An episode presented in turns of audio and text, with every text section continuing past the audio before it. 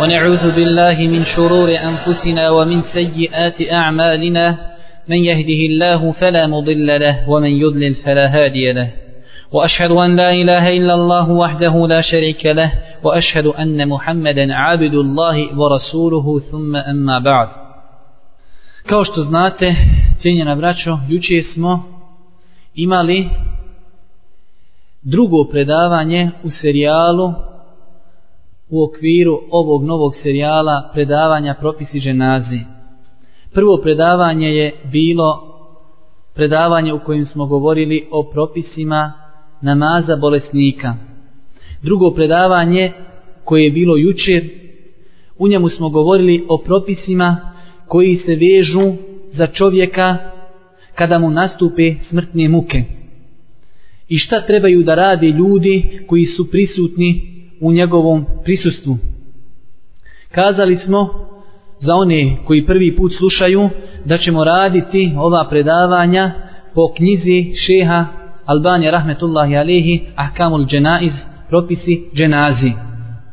Vidimo kako šeh rahmetullahi alehi držao se nekog hronološkog reda pa je spominjao prvu stvar kako treba da se ponaša čovjek na samrti i propise koji su vezani za njega. Nakon toga je govorio kako treba da se ponašaju ljudi koji su prisutni tu, a danas smo došli do tog momenta da govorimo kako treba da se ponašaju ljudi koji su prisutni kod čovjeka koji je preselio. Znači, do juče smo, sve što smo spominjali, bilo je vezano za čovjeka koji je živ na smrtnoj posteli. A danas govorimo, počinjemo govoriti o propisima kada čovjek preseli. Pa kaže šeheh rahmetullahi alihi 18. tačka, kazali smo znači da je sistem knjige takav da je spominjao znači redne brojeve u pitanjima koja je on pojašnjavao. Pa kaže 18. tačka, kada čovjek preseli, oni koji su prisutni trebali bi uraditi sljedeći pod A. Znači ovo je sve 18. tačka o kojoj će šejh malo opširnije govoriti. Kaže kada čovjek preseli, oni koji su prisutni kod njega trebali bi uraditi sljedeće stvari. Prva stvar jeste da mu zatvori oči. Prvo znači kada se desi čovjek je preselio i utvrđeno je, ustanovljeno je da je preselio, prvo što se radi da se zatvori oči preminulom. Ovdje treba spomenuti dvije stvari. Prva stvar to je da se zatvaranje očiju dešava nakon što čovjek preseli, a ne kada su nastupile čovjeku smrtne muke. Prvo, znači čovjeku treba da se zatvore oči nakon što preseli i to treba da bude prije nego što se ohladi tijelo. Kako bi znači se oči ohladile i ostale tako zatvorene. Čak mislim ako bi čovjek pokušao zatvoriti oči kada se tijelo ohladi, ne znam da li bi uopšte uspio. Znači treba čovjek da pokuša da zatvori oči mejitu odma nakon što se ustanovi da je preselio. To zbog hadisa od umu Seleme radi Allahu ta'ala anha. S tim što gore šeh radi, uh, rahmetullahi alaihi kaže trebaju zatvoriti njegove oči i da upute Allahu Đerlešanu dovu za njega. Znači dvije stvari pod A navodi da treba da mu zatvori oči i da upute dovu za njega. Zbog hadisa u Museleme da je kazala ušao je Boži poslanik sallallahu alihi wasallame kod Ebu Selemi, njenog muža. A njegov pogled se već ukočio. Boži poslanik je ušao kod Ebu Selemi, a njegov pogled se već ukočio, znači preselio je. Pa mu je Boži poslanik zatvorio oči, a zatim je kazao pogled prati dušu kada iziđe iz tijela. Pa su zakukali i zavikali prisutni iz njegove porodice. Tu ih je potreslo, kao da su tada tek shvatili da je on preselio. Pa su zakukali, pa kaže Boži poslanik sallallahu alihi wasallame, Ne govorite ništa osim lijepe stvari, zaista meleki aminaju na ono što govorite, pa je zatim Boži poslanik proučio dovu koju ja nisam htio spominjati, pošto je malo teška za prevesti. Znači, ali na, u, u zadnjem dijelu ovog hadisa Boži poslanik je uputio dovu Boži poslanik je uputio dovu za Ebu Selemu. Vidimo da ovdje prvo što je uradio Boži poslanik sallallahu alaihi wasallame jeste da je ušao, da je, zatvor, da je zatvorio oči Ebu Selemi, a nakon toga je uputio dovu za njega. Hadis je zabilježio ima Muslim, Ahmed i El Bejheqi. Što se tiče ove stvari, kada ih pogledamo sa pravnog aspekta, učenjaka vidjet ćemo da imaju jednoglasan stav, konsenzus po tom pitanju, znači da je osunneta da se zatvori oči Medjitu. Prva stvar koja se radi da se zatvori oči Medjitu, znači po tom pitanju nema razilaženja da je to sunnet. Također postavlja se pitanje, iako nije neko veliko pitanje, ali šta je razlog što se oči zatvaraju Mejitu, pa kažu islamski učenjaci kako bi Mejit ljepše izgledao. Jer čovjek kada preseli, znači njegov pogled se ukoči, njegove e, zjenice se rašire i, ajde da kažemo, ne izgleda lijepo. Zato je preporučeno da se zatvori njegove oči kako bi ljepše izgledao kada ga neko dođe vidjeti. Vidimo, braćo moja draga, da ovdje šeh do juče propise koje smo spominjali bili su vezani za osobu koja je živa. Danas odmah šejh je prešao da govori o osobi koja je mrtva, kao da je nešto preskočio. A to ćemo naći u mnogim knjigama fikha i prava, a to je stvari i znakovi koji ukazuju da je čovjek preselio. Šejh uopšte to nije spominjao, iako u većini pravnih knjiga ćemo naći da pravnici govori na osnovu čega čovjek može zaključiti da je neko preselio. Mi ćemo inšala to malo odgoditi kada hajde da kažemo, bude odgovarajuće vrijeme, iako znači islamski učenjaci to govore prije nego što dođe do zatvaranja očiju. Također možemo spomenuti ovom prilikom kada govorimo o zatvaranju očiju nakon što smo kazali da je to sunnet po konsenzusu islamskih učenjaka da se to radi kako bi medjit ljepše izgledao i treća stvar jeste da ne postoji odgovarajuća dova koja se uči prilikom zatvaranja očiju kao što neki smatraju da postoji. Sljedeća stvar, znači pod B u ovoj 18. tačci, šehr Rahmetullahi ta'ala alihi kaže treba potpuno prekriti medjita, ali nemojte zapisivati zato što ćemo spomenuti neke stvari koje je šehr preskočio, ali samo je spominjemo zato da znate koja je tu sljedeća tačka. Ka, po šehovom redoslijedu on kaže prvo se zatvori čovjeku oči, a nakon toga se čovjek prekrije čaršafom, znači čitavo njegovo tijelo. Ali kada pogledamo u knjige prava, vidjet ćemo da postoji neke stvari koje šejh preskočio, da li namjerno, da li nenamjerno, ovaj, i kazali smo da ćemo mi raditi po ovoj knjizi, ali ako osjetimo da je nešto šeh izostavio, mi ćemo to pokušati ovaj spomenuti kako bi korist bila veća, ne da smatramo da je knjiga ništavna ili nevrijedna, da smo tako smatrali, ne bi je uzeli kao program po kojim ćemo raditi. Pa ćemo vidjeti da islamski učenjaci spominju nekoliko stvari koji će se uraditi nakon zatvaranja očiju, a prije pokrivanja mejita. Pa na primjer, prva stvar, velik broj islamskih učenjaka smatrao je pohvalnim da se podveže vilica mejita, znači i da se tako nakon toga ohladi da ostanu njegova usta zatvorena. Smatrali su to pohvalnim. Ali pazite, braćo moja draga, moramo naglasiti zbog emaneta koji nosimo kada je u pitanju ilm i znanje, a to je da za ovu stvari, ovo djelo ne postoji validan argument u šerijatu. Ali ovo se radi zbog koristi koja dolazi, dolazi nakon toga i ovo se ne radi iz poglavlja i badeta gdje nam treba dokaz, već ovo radimo zato što to radimo iz poglavlja adeta i običaja zato što nam to donosi korist. A kakva je korist? To je da kada budemo poslije kupali medjita, ako budu ostala njegova otvorena usta, ulazit će voda u usta, što nikako nije pohvalno. Iz tog razloga islamski učenjaci kažu da je lijepo, ne u smislu da je sunet, već lijepo je da se podveže glava medjita kako bi njegova usta ostala zatvorena, a sigurno ovaj tako medjit ljepše i izgleda. A kazali smo da to nosi sa sobom korist, a to je kada dođe vrijeme kupanja Medjita da ne ulazi voda kroz usta u unutrašnjost Medjita. Također sljedeća stvar koju šeh nije spomenuo, a spominju je islamski pravnici, jeste razgibavanje zglobova. Znači opet ovo govorimo sve nakon što smrt nastupi. Ne počne čovjek razgibavati zglobova, čovjek kaže pusti me, boli me noga ili ruka.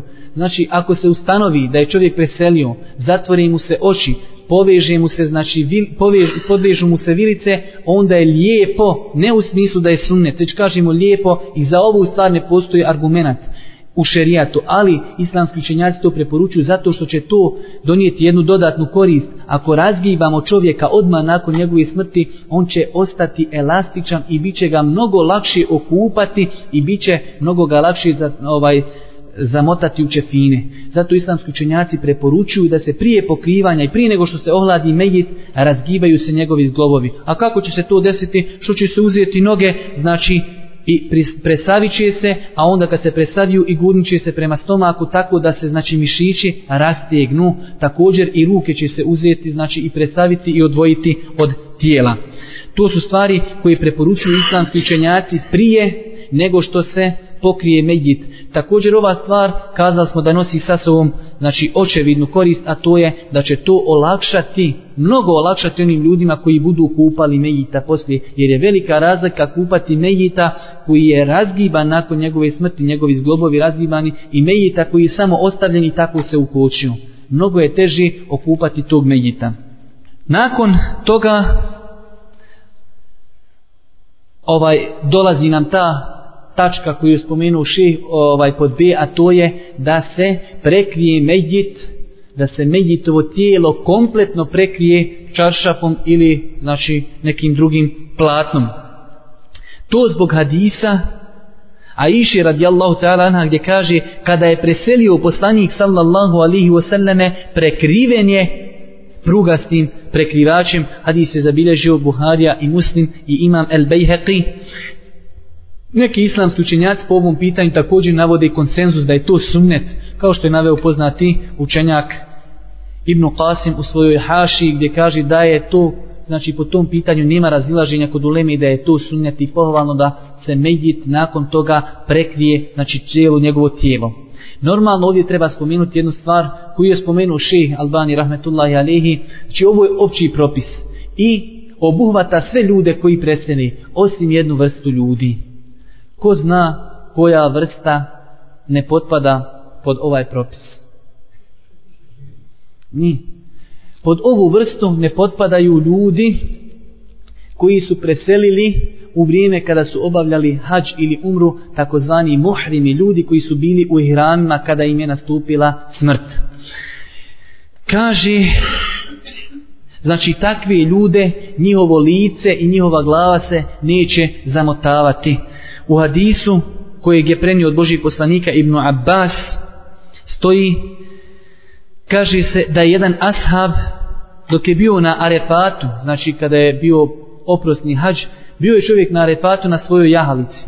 Pa je pao sa jahalici i slomio vrat i preselio.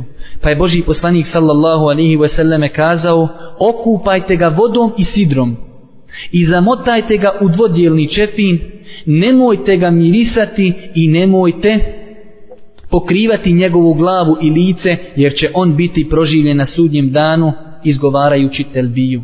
Kaže Boži poslanik, nemojte ga mirisati i nemoj, u smislu nemojte stavljati na njega miris i nemojte pokrivati njegovu glavu i njegovo lice, jer će on biti na sudnjem danu proživljen onako kako izgovara telbiju. Inače poznato je kada je čovjek u hrama za one koji nisu obavljali hađ ili umru, da čovjeku u tom momentu nije dozvoljeno da koristi miris, niti mu je dozvoljeno dok je u periodu ihrama da stavi nešto na glavu, znači direkt na glavu kao kapu ili nešto dok je dozvoljeno nositi ovaj kišobran, ali nije dozvoljeno da stavi nešto na glavu. Sljedeća stvar, znači još smo pod ovom 18. tačkom šta je pohvalno da rade ljudi koji su se zadesili u tom momentu kada je čovjek preselio, jeste da požure sa oprimanjem dženazi, znači da požure sa kupanjem, umotavanjem mejita, jest, i ovaj da požure sa njegovim ukopom. Ali ovo braćo pod uvjetom, pod uvjetom da je insan siguran da je nastupila smrt tom čovjeku. Ako se znači sazna sigurno da je čovjeku nastupila smrt, onda nema potrebe da se odgađa njegov, ovaj, njegov ukop i njegovo kupanje, njegovo zamotavanje u čefine. Zbog hadisa Ebu Hurere, kojeg su zabilježili Buharija i Muslim, gdje kaže Boži poslanik, esri u bil dženazeti, požurite sa dženazom. Tako možemo spomenuti da nije ispravno da se odgađa ukop medjita osim ako zato postoji validan šerijatski razlog.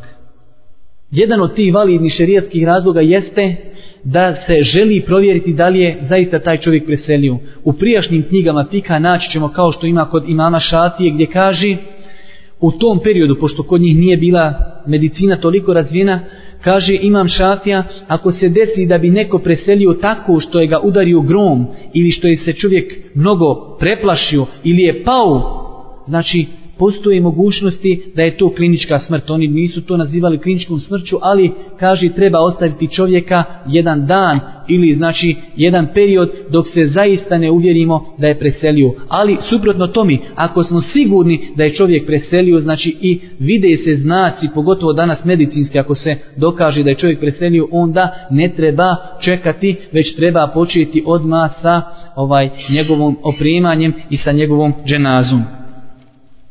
Također, šehr Rahmetullahi Alihi nije znači poka, e, spomenuo, kao što smo rekli malo prije, to kako prepoznati znake koji ukazuju na to da je čovjek preselio. E ovdje ja mislim da je lijepo i odgovarajuće da ispomenimo zato što govorimo o tome, pa ćemo spomenuti neke znake koji su spomenuli islamski učenjaci koji ukazuju na to da je čovjek preselio. I vidjet ćete, spomenut jednu priču koja ukazuje na korist poznavanja ovoga. Pa prva stvar jeste iskrivljenje nosa u jednu stranu.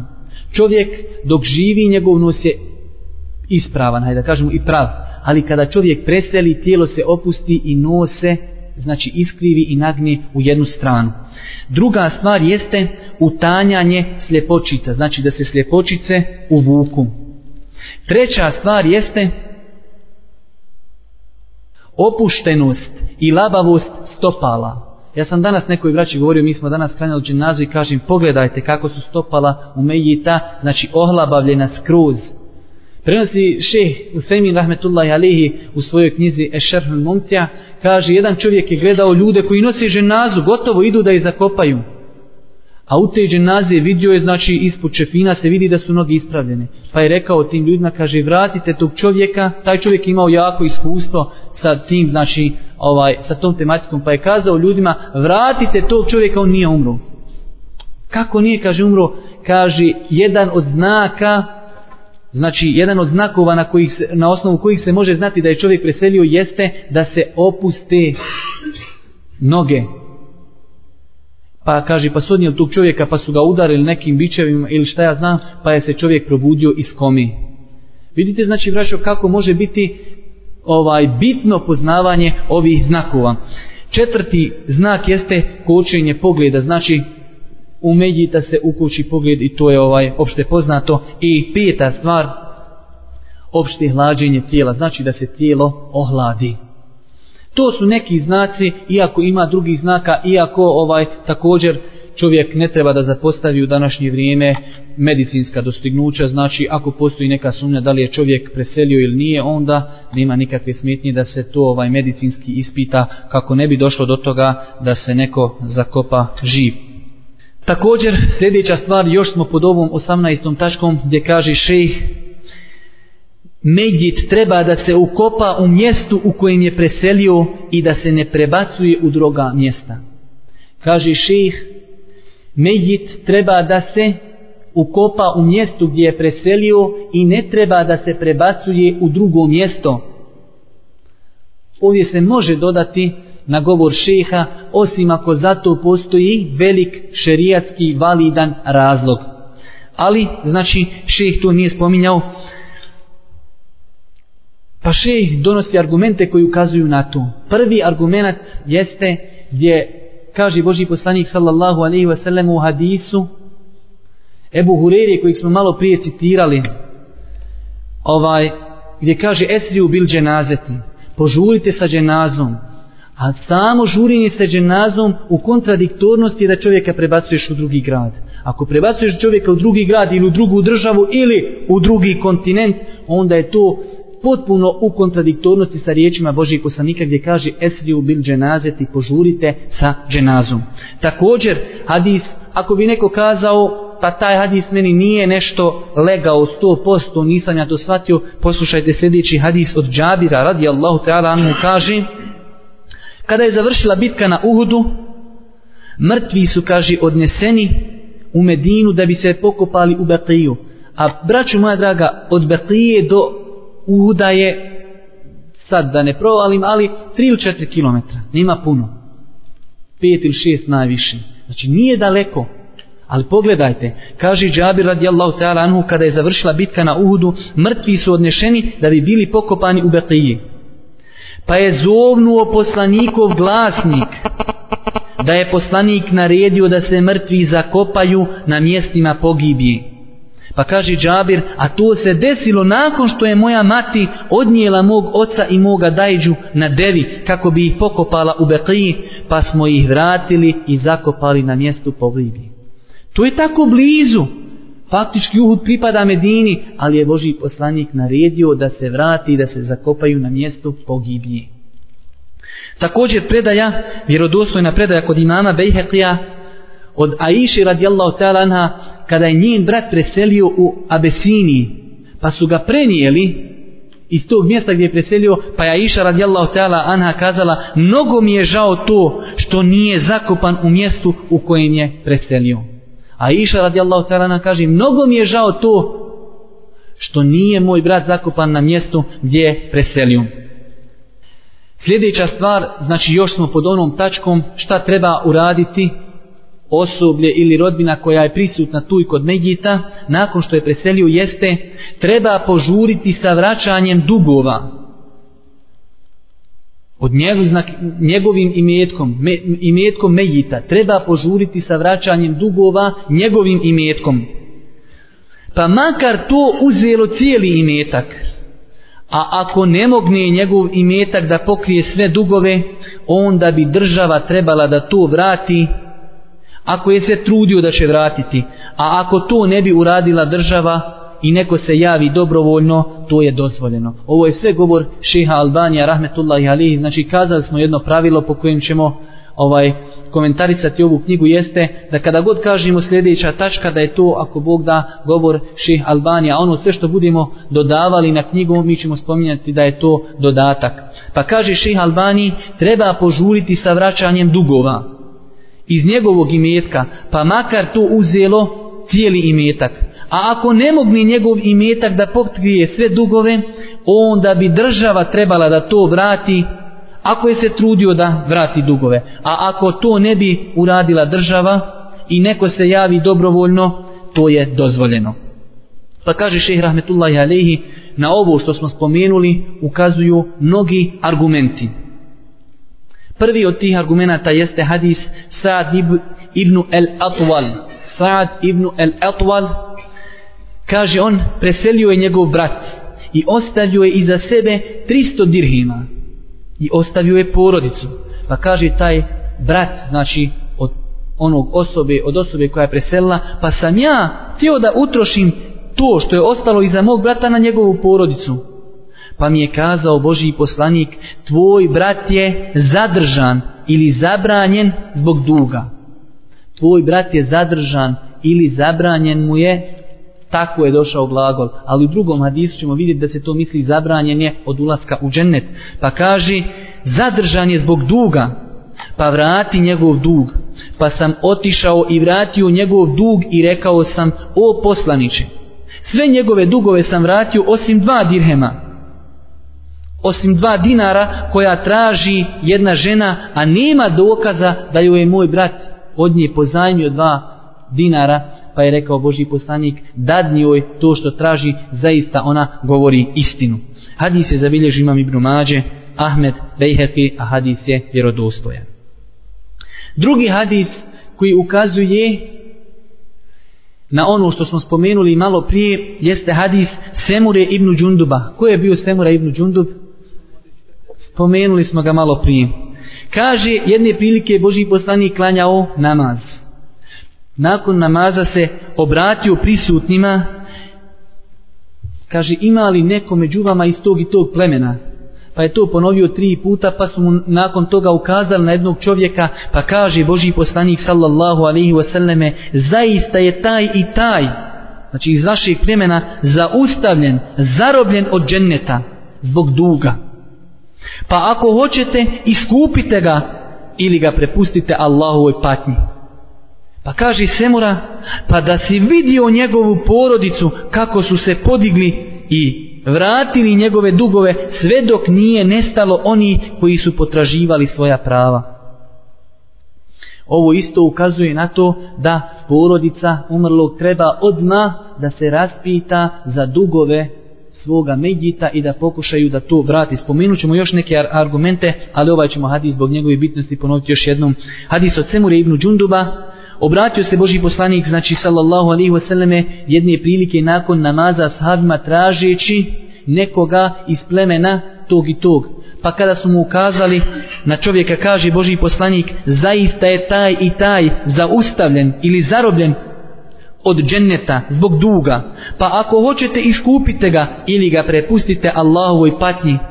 Pa kaže Đundub, pa da si, Semura, pa da si vidio njegovu porodicu, podigli su se i vratili njegove dugove, sve dok nije nestalo oni koji su potraživali svoja prava. Hadis se zabilježi imam Ebu Davud, En Nesai, El Hakim, Bejheqi, Tajalisi, hadis je vjerodostojen. Sljedeći hadis koji također ukazuje na ono što smo spomenuli malo prije, a to su sve hadisi koje je spomenuo šeh, rahmetullahi alihi, jeste hadis od Džabira. Inače poznato kada je poglavlje dženaze u pitanju da mnogo hadisa vezanih za dženazu prenosi Džabir ibn Abdullah, rahmetullah, radijallahu ta'ala anhu. Kaže Džabir, umro je čovjek, pa smo ga okupali, zamotali ga u čefine, pa smo ga postavili na mjesto, na kojem su se postavljale dženaze. Znači oni su imali jedno mjesto gdje se znalo kada neko preseli, okupaju ga, zamotaju ga i tu ga donesu i pozovu poslanika da mu klanja dženazu. Kaže pa smo ga mi postavili na to mjesto. Pa smo obavijestili poslanika pa je došao sa nama i kazao možda je, kaže, ostao ovaj medjit nekom je dužan. Pa su rekli da, Boži poslaniće, ostao je dužan dva dinara pa je se, kaže Boži poslanik, povukao i kazao, klanjajte svome bratu. Pa je rekao čovjek kojeg su zvali Ebu Katade, o Boži poslaniće, ja ih preuzimam na sebe. Pa je rekao Boži poslanik, je li mejit čist od njih, je li ih ti preuzimaš na sebe, pa je rekao da. Pa je Boži poslanik sallallahu alaihi ve selleme klanjao džennazu. Kaže pa da kada bi sveo Boži poslanik Ebu Katadu, a u jednoj predaji, sutra, odma nakon što je sveo Ebu Katadu, rekao mu je, šta si uradio sa ona dva dinara? U jednoj predaji opet stoji da je rekao, o Boži poslaniće, pa tek je juče preselio, a u drugoj predaji stoji da je kazao, vratio sam i, o Boži poslaniće, pa je kazao Boži poslanik, sada je se tek njegova koža ohladila. Hadis je dobar, a zabilježio ga imam Hakim, Bejheqi, Etajalisi i Ahmed. Tu je ta 18. tačka u kojoj smo spominjali hadise koji ukazuju ovaj i ova zadnja, znači podtačka u kojoj smo spominjali hadise koji ukazuju na to da se treba požuriti sa vraćanjem dugova Medjita. Četvrto poglavlje šeh je naslovio šta je dozvoljeno prisutnima i onima koji nisu prisutni. Znači kada su u pitanju propisi šta je dozvoljeno raditi onim osobama koje su prisutne tu, ko, tu kod Medjita i onim osobama koje nisu prisutne, a ti propisi su vezani za Medjita. Pa kaže šejh Rahmetullahi Alihi, znači 18. tačka, dozvoljeno je otkriti i poljubiti lice Medjita i plakati za njime tri dana. Dozvoljeno je otkriti i poljubiti lice Medjita i dozvoljeno je za njim plakati tri dana. Ovo je znači govor šeha rahmetullahi alihi. Pa kaže šeh, na to nam ukazuje hadis Džabira radijallahu ta'ala nu, opet hadis Džabira. Kaže Džabir, kada je poginuo moj otac, ja sam odlazio i otkrivao njegovo lice, pa su mi to zabranjivali, a poslanik mi to nije zabranjivao. Kaže on, pošto je njegov otac bio iznasakriran, pa je Boži, pa su mu njegovi rođaci zabranjivali da ide otkrivati svoga oca, a kaže Džabir, oni su mi zabranjivali, ali poslanik mi nije zabranjivao. Pa je Boži poslanik naredio da se podigne, znači da se ponese dženaza, pa je počela plakati, kaže Džabir, moja tetka Fatima, pa je kazao poslanik, plakala ti ili ne, nisu prestali meleki da ga natkrivaju krilima sve dok ga niste podigli. Hadis se zabilježio Buharija, Muslim, Nesai, El Bejheqi i Ahmed. Također, poznati događaj kada je Ebu Bekr radijallahu ta'ala anhu došao kada je preselio Boži poslanik sallallahu alaihi wa sallam u hadisu od Aiše radijallahu ta'ala anha kaže došao je Ebu Bekr na konju od svoje kući pa je sišao i ušao u mesđid braćo moja draga slušao sam nedavno predavanje o ovom samo hadisu i vjerujte toliko toliko koristi u ovom hadisu da čovjek ne može da vjeruje da toliko ima koristi samo ovo kako je Ebu Bekr došao i sišao i prošao kroz mesčid da se nije uopšte obratio Omeru i otišao kod Aiše kako u tome stoje velike pouke da čovjek kada nastupi vrijeme fitne i smutnje. To je tada bila fitna, ljudi ne znaju. Omer hoće da ubije svakog onog ko kaže da je Boži poslanik preselio, već kaže Boži poslanik je otišao kao što je otišao Musa i vratit će se. To je fitna, iskušenje. Kaže ovaj šejh, jedno od veliki pravila i jedna velika fajda iz ovog hadisa jeste kada god možeš otići na lice mjesta i provjeriti informacije nemoj uzimati od nekoga drugog. Nije Ebu Bekr uopšte pogledao u Omera i pitao ga je li preselio Boži poslanik, već je samo prošao kroz mjesec i otišao da pogleda poslanika, pa kada je vidio da je Boži poslanik preselio, vratio se im da kazao ljudima, ljudi koji obožavao Muhammeda, Muhammed je umro, ako obožaje Allaha on je živ, vječni ne umri. Tako mnogi koristi subhanallah kako islamski učenjaci nekada neke stvari da kažemo svate i skuže iz tih hadisa koji nama lajcima nikada ne bi u životu pale te stvari na um. Pa kaže Aisha radijallahu ta'ala anha ušao je kaže Ebu Bekr u mesčid a Omer se obraćao ljudima. Kaže pa ništa nije govorio Ebu Bekr već je ušao kod Aiši a poslanik je bio pokriven pa je otkrio njegovo lice pa ga je poljubio između oči i zaplakao i kazao draži si mi od oca i majke u Allahu poslaniće Allah te neće dva puta usmrtiti ti si umro smrću poslije koje nema smrti znači Ebu Bekri je shvatio da je to smrt i da nema smrti dva puta. Kaže ti si umro onom smrću posle koje nema druge smrti. Hadis je zabilježio imam Buhari Nesai El Bejheqi Ibn Hibban. Također hadis Aisha radijallahu ta'ala koja ukazuje, koji ukazuje da je dozvoljeno poljubiti Mejita jeste da je poslanik ušao kod Osmana ibn Mav'una kada je preselio pa je Boži poslanik otkrio njegovo lice i poljubio ga i zaplakao kaže prenosilac hadisa kaže pa smo vidjeli kako suze teku niz lice i niz obraze Božijeg poslanika hadis je zabilježio imam Etirmici. peto poglavlje i devetnaesta tačka jeste šta su obavezni mejitovi rođaci, rodbina mejita. Znači ovo je bilo šta je dozvoljeno uraditi onima koji su prisutni kod mejita, a nakon toga šejh prelazi na drugo poglavlje gdje pojašnjava šta su obavezni. Pa kaže šejh rahmetullahi alihi 19. tačka pod A, znači kada kaže ljudi čuju za vijest o preseljenju nekoga, obavezni su da uradi dvije stvari, pa kaže pod A, treba da se strpe i da budu zadovoljni sa Allahom subhanahu wa ta'ala odredbom. Treba da se strpe i da budu zadovoljni sa Allahom subhanahu wa ta'ala odredbom zbog riječi Allah subhanahu wa ta'ala u suri Al-Baqara od 155. do 158. ajeta, znači tri ajeta, poznati ajeti koji se mnogo često uči na, na namazu gdje kaže Allah dželle dželalu وَلَا نَبْلُوَنَّكُمْ بِشَيْءٍ مِنَ الْخَوْفِ وَالْجُوعِ وَنَقْصٍ مِنَ الْأَمْوَالِ وَالْأَنْفُسِ وَالثَّمَرَاتِ وَبَشِّرِ الصَّابِرِينَ الذين إذا أصابتهم مصيبة قالوا إنا لله وإنا إليه راجعون أولئك عليهم صلوات من ربهم ورحمة وأولئك هم المهتدون se u prijevodu značenja ovih kuranskih ajeta mi ćemo vas dovoditi u iskušenja malo sa strahom i gladovanjem i time da ćete gubiti imanja i živote i ljetine a ti obraduj izdržljive. One koji kada i kakva nevolja zadesi samo kaže mi smo Allahovi i mi ćemo se njemu vratiti. Njih čeka opres od gospodara njihova i milost oni su na pravom putu. Znači možete inšala poslije prepisati taj ajet to je El-Beqara 155 do 158 ajeta.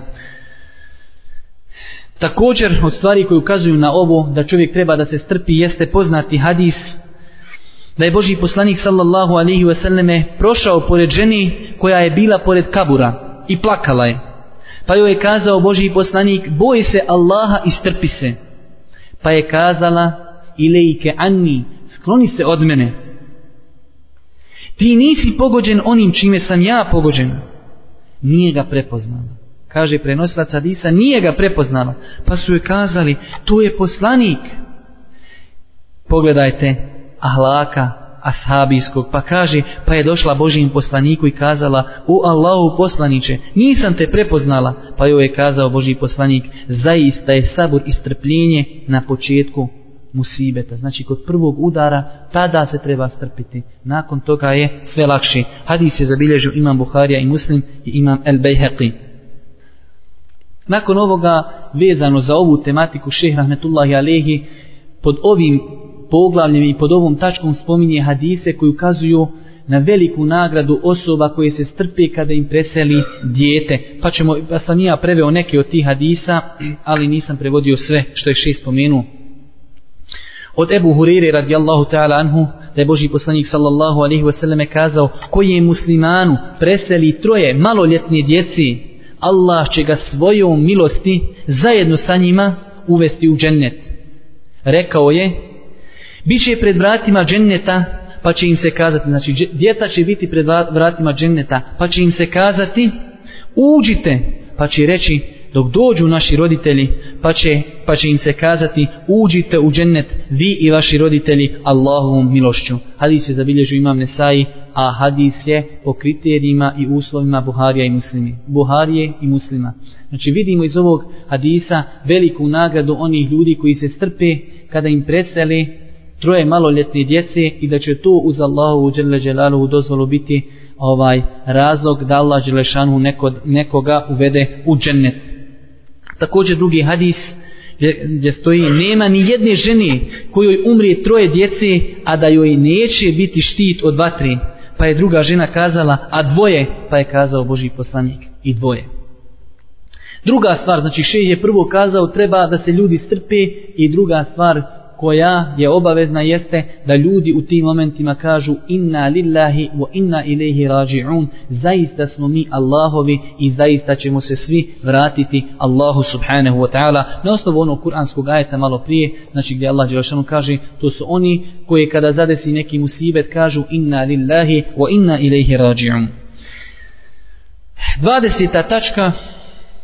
Šejh počinje da govori o jednom veoma bitnom poglavlju o kojem bi se moglo govoriti mnogo, ali mi ćemo se opet suzdržati pošto je to široko i, hajde da kažemo, osjetljivo pitanje, a to je obilježavanje žalosti za umrlim. Pa ćemo vidjeti ovdje šest spomenu dva ili tri propisa vezano za to poglavlje i mi ćemo se inšala zadovoljiti tim propisima što je spomenuo šejh. Znači, radi se o tome koliko je dozvoljeno ženi da nosi obilježe za umrlim. Pa kaže šehr rahmetullahi alihi, a to je ujedno i povezano sa saburom. Da li znači, ako žena, nakon što preseli njeno dijete, ako se žena uljepša, da li to znači da ona se nije strpila na tom usibetu? Pa ćemo poslije citirati onaj poznati događaj Ebu Talhi i njegove žene Umu Sulejim, kada im je preselilo dijete, pa je se ona srijedila svojim mužu, te noći nije mu, je, nije mu kazala uopšte da je dijete preselilo, pa su oni prespavali, imali su znači intimni odnos, pa mu je tek sutra kazala da je dijete preselilo i vidimo iz ovog hadisa da je ona, iako je žela za tim svim djetom, ipak ovaj zbog veće te neke koristi zbog svog, svog muža, ona je znači koristila miris i lijepo se sredila svome čovjeku. Pa kaže šejh rahmetullahi alihi, ne isključuje ili znači nije suprotno saboru i ovaj strpljenju ako žena ostavi sve vrste ukrasa obilježavajući smrt djeta ili nekog drugog ako nije više od tri dana. Osim muža kada će obilježavati žalost četiri mjeseca i deset dana.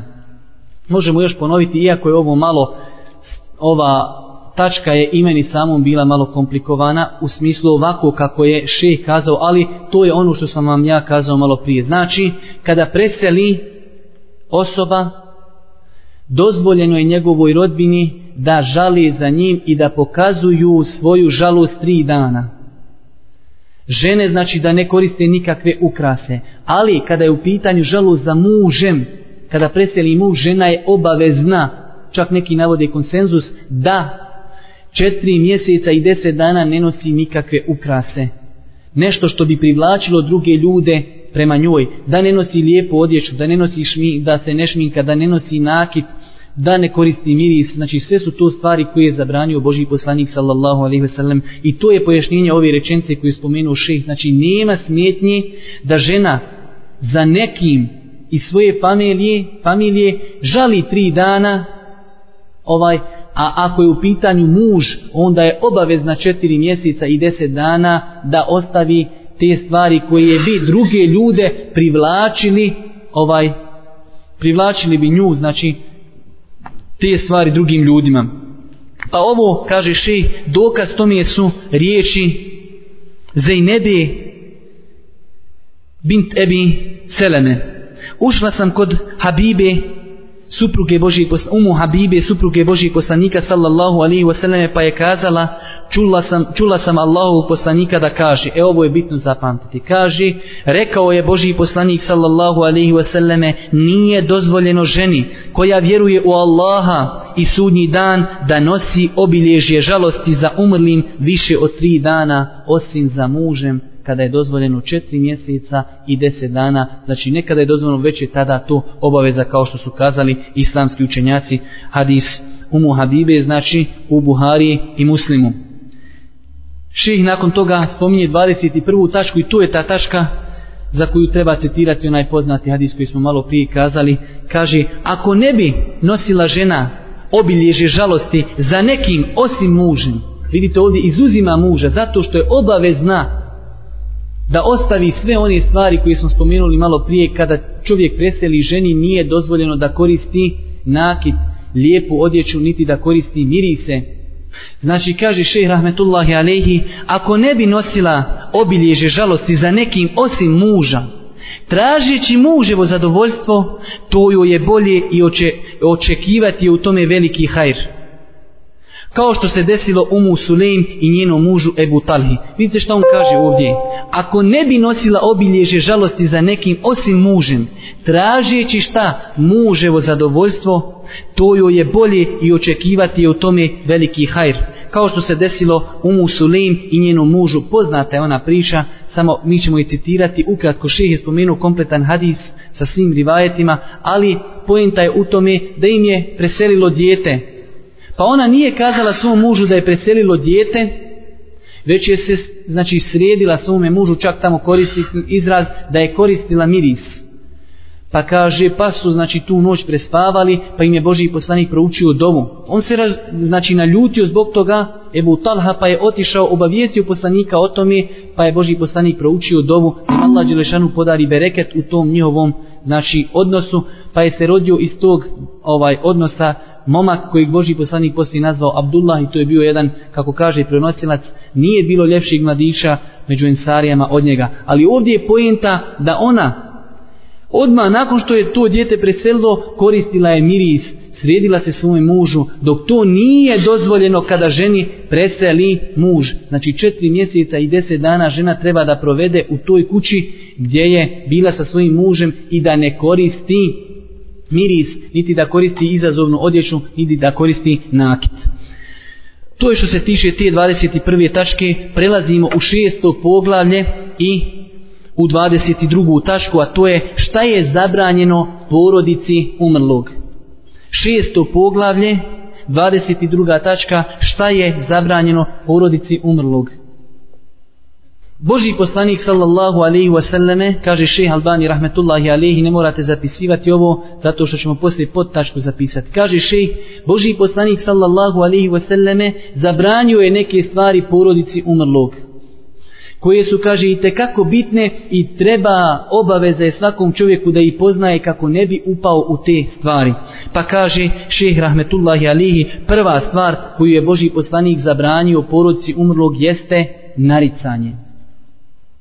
Pa možete staviti u zagradu šeh je to u fusnoti pojasnio, naricanje je nešto viška i dodatno na plakanje. Nije znači plakanje zabrajno, već više od toga. Kaže šeh Albani rahmetullahi alihi, o tome je došlo mnogo hadisa.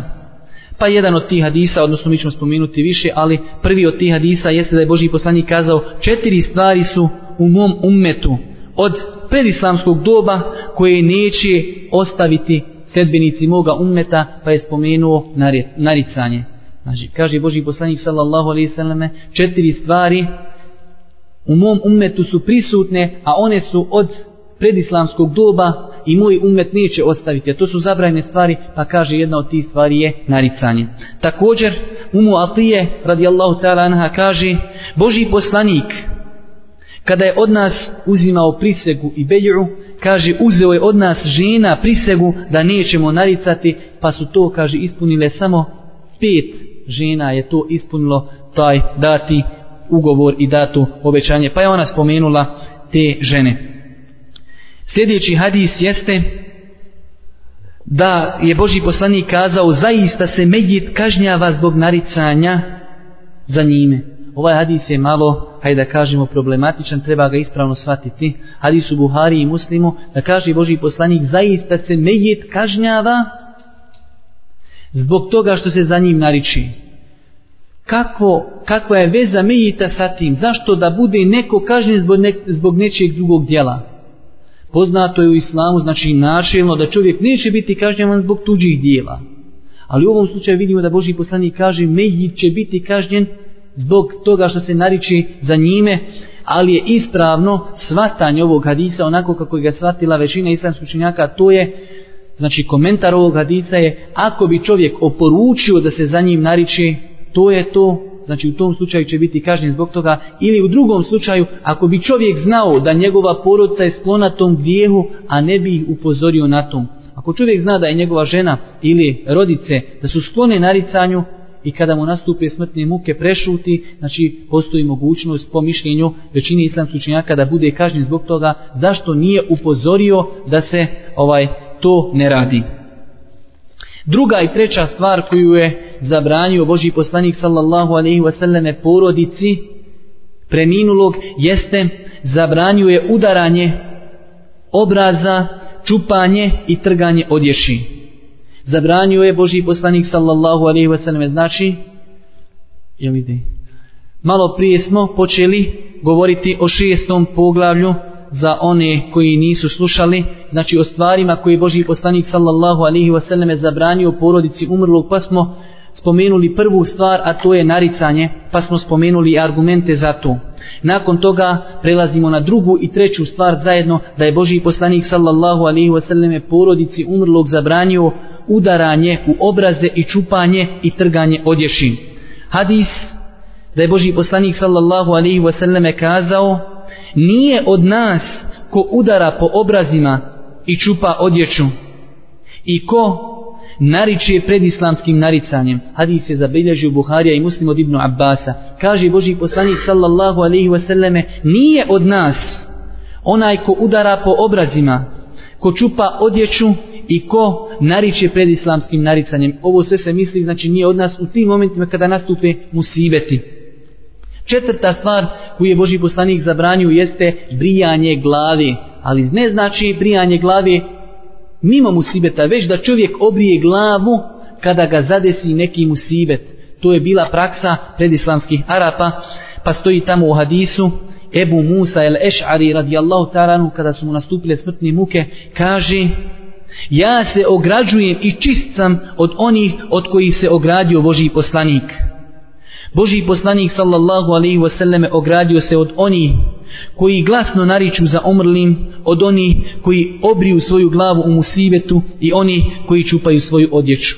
Vidimo da ovdje jedna od tih stvari koje spominje Ebu Musa el Eš'ari radijallahu ta'alanu da je se Boži poslanik odrekao tih osoba jeste i ona osoba koja obrije glavu u musibetu.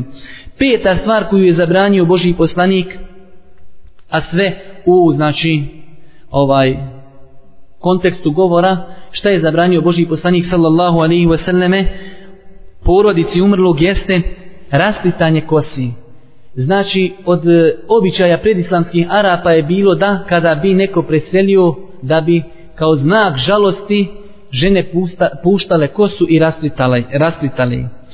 A to sve zbog hadisa u kojem stoji da Boži poslanik kada je uzimao od žena prisegu, ovaj uzimao bi od njih i sljedeći stvar, znači prisegu, da neće biti neposlušne u dobru, da ne grebaju svoje lice, da ne nariču za mrtvima, da ne čupaju svoju odjeću i da ne raspliču svoju kosu. Kao znak, znači izražavanja žalosti za umrlim, da ne raspliču svoju kosu, jer je to bio običaj predislamskih Arapa, hadis je zabilježio imam Ebu Davud, a hadis je vjerodostojen. Šesta stvar, odnosno šeh, e, šeh Albani to ovaj govori analogno ovome što smo malo prije spomenuli, a to je, kaže, ima ljudi, vjerovatno to tamo u mjestima gdje je šeh Albani, rahmetullah i alihi, živio, ali želio sam to spomenuti samo zato ovaj koristi radi.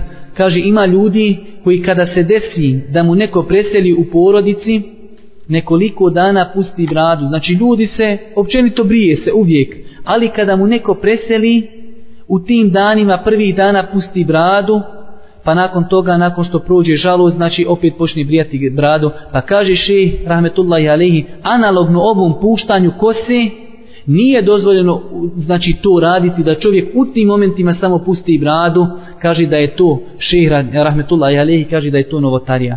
Normalno ovdje treba naglasiti da neko ne bi shvatio da je šejh smatrao dozvoljenim brijanje brade. Daleko od toga već je on samo smatrao da je novotarija da čovjek u tom slučaju i toj situaciji pusti samo par dana bradu, nakon toga je obrije kao znak kao znak izražavanja žalosti, a daleko da je šejh smatrao da je dozvoljeno brijati bradu, jer sjećate se da smo navodili konsenzus koji je spomenuo Ibn Hazm rahmetullahi alehi da islamski učenjaci imaju jednoglasan stav da nije dozvoljeno brijati bradu. Sjedna stvar koju spominje šeh rahmetullahi alehi koja je zabranjena porodici umrlog jeste oglašavanje nečije smrti na munarama ili na neki sličan način na neki način sličan tome da se oglašava nečija smrt na munarama ili na neki drugi sličan način to je sedma stvar koju je spomenuo šeh rahmetullahi alihi i kaže to je naj to je obavijest o smrti. Pa će šeh malo o ovom pitanju govoriti i mislim da će time i otprilike završiti ovo poglavlje, a i mi ćemo inšala time završiti ovo predavanje. Kaže šejh rahmetullahi alihi, znači donosi argumente koji ukazuju na to da nije dozvoljeno obavještavati o smrti. Pa hadis od Huzeyfe radijallahu ta'ala anhu, govorio bi Huzeyfe, kada neko preseli, nemojte nikoga obavještavati jer se bojim da je to en na'j obavijest o smrti ja sam čuo poslanika sallallahu alaihi wasallame da zabranjuje na'j obavijest o smrti hadis je zabilježi imam et-tirmizi ibn Mađe Ahmed a hadis je dobar kaže šeha Albani rahmetullahi alihi na'j znači obavijest o smrti u jezičkom smislu znači da čovjek prenese ovaj obavijest o nečoj smrti i on kaže ovaj hadis kojeg je malo prije citirao od Huzefe radijallahu ta'ala anhu općeg je karaktera. Ali islamski učenjaci su iz ovog hadisa ograničili su taj opšti znači propis, opštu zabranu pa su kazali da je nekada oglašavanje dozvoljeno pa čak ovaj vidjet ćete kao što će še spomenuti malo nakon ovaj ovoga da nekada može biti oglašavanje i obavezno. Ali kaže šejh islamski učenjaci na osnovu drugih hadisa su ovu zabranu pojasnili i ograničili pa su kazali da ako se obavještava na način kako su to obavještavali predislamski Arapi, to je ono što je Boži poslanik sallallahu alaihi wasallam zabranio, a oni su oglašavali na taj način da bi slali ljude na pijace i na ulaze kuća i tako da bi glasno, visokim glasom kazivali ovaj i obavještavali da je čovjek preselio. Zato ših kaže sjedmo poglavlje dozvoljeno oglašavanje smrti ili obavješta, obavještenje o smrti. Sjedmo poglavlje ših pojašnjava kada je dozvoljeno prenositi vijest o nečoj smrti i tačka broj 23 kaže šeh rahmetullahi alihi dozvoljeno je oglašavanje smrti ako se uz to ne pridoda ili spoji ono što liči na predislamski način obavještavanja kaže šeh rahmetullahi alihi dozvoljeno je oglašavanje smrti ako se usto ne pridoda ili spoji ono što liči predislamskom načinu obavještavanja pa nastavlja, a obavještenje o smrti može nekada biti i obaveza u slučaju da kod preminulog nema niko ko bi mogao da ga okupa ili zamota ili da mu klanja dženazu. Znači ako bi se desilo da čovjek preseli i nema niko tu, onda je obavezno da nekome kažemo da je on preselio kako bi ga ljudi okupali i kako bi ga zamotali, kako bi ovaj klanjali dženazu. Ovaj da ne prekidam, ostalo nam je nešto sasvim malo i kako bi završili ovo poglavlje da bi nakon toga mogli, ako Bog da sljedećeg časa, početi govoriti ovaj o lijepim znacima smrti kako bi mogli početi govoriti o propisima kupanja, zamotavanja u čefine. Pa kaže šehr Rahmetullahi Alihi, ukratko ćemo ovo spomenuti, argumenti koji ukazuju na to da je ponekada dozvoljeno prenijeti vijest o nečijoj smrti pa ćemo ukratko spomenuti, iako sam ja te hadise preveo sve, prvi hadis da je Boži poslanik sallallahu alihi wasallam prenio vijest u istom danu kada je preselio Neđašija, znači a, abesinijski tada ovaj vladar. Boži poslanik je ustao kao što je došlo u hadisu Buhari i muslima i kazao ashabima danas je preselio vaš brat pa je otišao sa ashabina na musallu pa su mu klanjali dženazu. Vidimo da je Boži poslanik sallallahu alaihi wasallame ovdje on lično prenio ashabima vijest da je ovaj Neđašija preselio. Također poznati hadis koji smo juče citirali kada je Boži poslanik sallallahu alaihi wasallame poslao vojsku na motu pa kada su otišli Boži poslanik je kazao preselio je Zejid pa preuzeo je ovaj Džafer pa je i on preselio, pa je preuzeo sa, preuzeo je zastavu Abdullah ibn Revaha, pa je i on preselio, nakon toga je preuzeo Halid ibn Walid, ali vidimo da je ovdje Boži poslanik bio taj koji je prenio tu vijest da su oni preselili i da je bilo to prenošenje obavijesti o nečoj smrti zabranjeno, općenito znači Boži poslanik to ne bi radio. Zato šeh Rahmetullahi Alihi kaže nakon što je spomenuo govor Hafiz ibn Hađera, gdje Hafiz ibn Hađer potvrđuje ono što je malo prije spominjao šeh, odnosno šeh potvrđuje Hafiz ibn Hađerov govor gdje kaže Hafiz ibn Hađer u Fethul Bariju da nije dozvoljen onaj način koji sliči načinu obavještavanja koji je bio poznat u vremenu džahilijeta. A nakon toga ših rahmetullahi alihi kaže, ako prihvatimo ovo, onda oglašavanje na munarama je preći da bude zabranjeno. Jer kaže, ako je bilo zabranjeno to da čovjek ode na pijacu i samo drekne i zovni na pijaci, to što se danas kod nas radi, kaže na munarama, to je mnogo preći, zato što je to, hajde da kažemo, mnogo širi. A on, onda šehr rahmetullahi alihi kaže, a to nosi još sa sobom druge stvari koje su, kaže, zasebno haram i zabranjene, kao da čovjek uzme za to što će to, znači, kazati na monari da uzme za to pare ili da spomene ovaj neka svojstva koja nisu bila pri tom čovjeku tamo, kao što sam ja skužio iz te njegove knjige, kao da postoji običaj da ljudi kada najavljuju da je neko preselio, onda spominju o njemu njegova neka svojstva koja on nije imao pri sebi pa kažu on je nasljednik Selefa i on je tabi'in, on je ovo, on je ono, a zna da to nije istina. I zadnja stvar jeste, i to ćemo završiti i spomenut ćemo samo jedan hadis ili dva ukratko, da je pohvalno kada neko nekom prenese vijest da je preselio, da zatraži od te osobe koju je prenio vijest da moli Allah Đelešanu da oprosti tom koji je preminuo. Znači da pojasnimo, pohvalno je i od sunneta je kada nekom je preneseš vijest da je neko preselio da od tog čovjeka zatražiš da moli Allah Đelešanu da oprosti tom mejitu. Dva ćemo hadisa spomenuti ukratko. Prvi hadis, malo prije spomenut, da je Boži poslanik poslao vojsku, pa je Boži poslanik ustao na mimber pa kaže zastavu je znači ponio Zejid pa je preselio pa kaže Boži poslanik molite Allaha da mu oprosti Pa kada su ashabi zatražili da Allah Đelšan da mu oprosti, kaže zastavu je preuzeo u džafer pa je preselio kao šehid i ja mu svjedočim, kaže da je šehid, pa molite Allah da mu oprosti. Pa kada su ashabi zatražili oprost, da je kazao zastavu je preuzeo Abdullah ibn Revaha pa je preselio kao šehid, molite Allaha da mu oprosti pa su ashabi molili. I drugi hadis, onaj hadis koji smo malo prije citirali, da je Boži poslanik prenijeo vijest da je preselio Neđašija u jednom rivajetu stoji kada im je prenio tu vijest kaže istagfiru li ahikum tražite oprost za svoga brata. Znači kada im je kazao danas je preselio Neđašija pa su otišli klanjati dženazu Boži poslanik im je kazao istagfiru li ahikum tražite oprost vašem bratu. To je nešto što smo pripremili za danas. Molimo Allaha dželešanuhu da nas poduči propisima njegove vjere. Molim Allah Đelešanu da vas koji ste odvojili svoje vrijeme i strpili se da poslušate ove stvari koje su i tekako bitne da vas nagradi i da bude koristi vama ovo što ste čuli. Na kraju subhaneke Allahumma radi hamdike šedvan la ilaha illa ente stavfiruke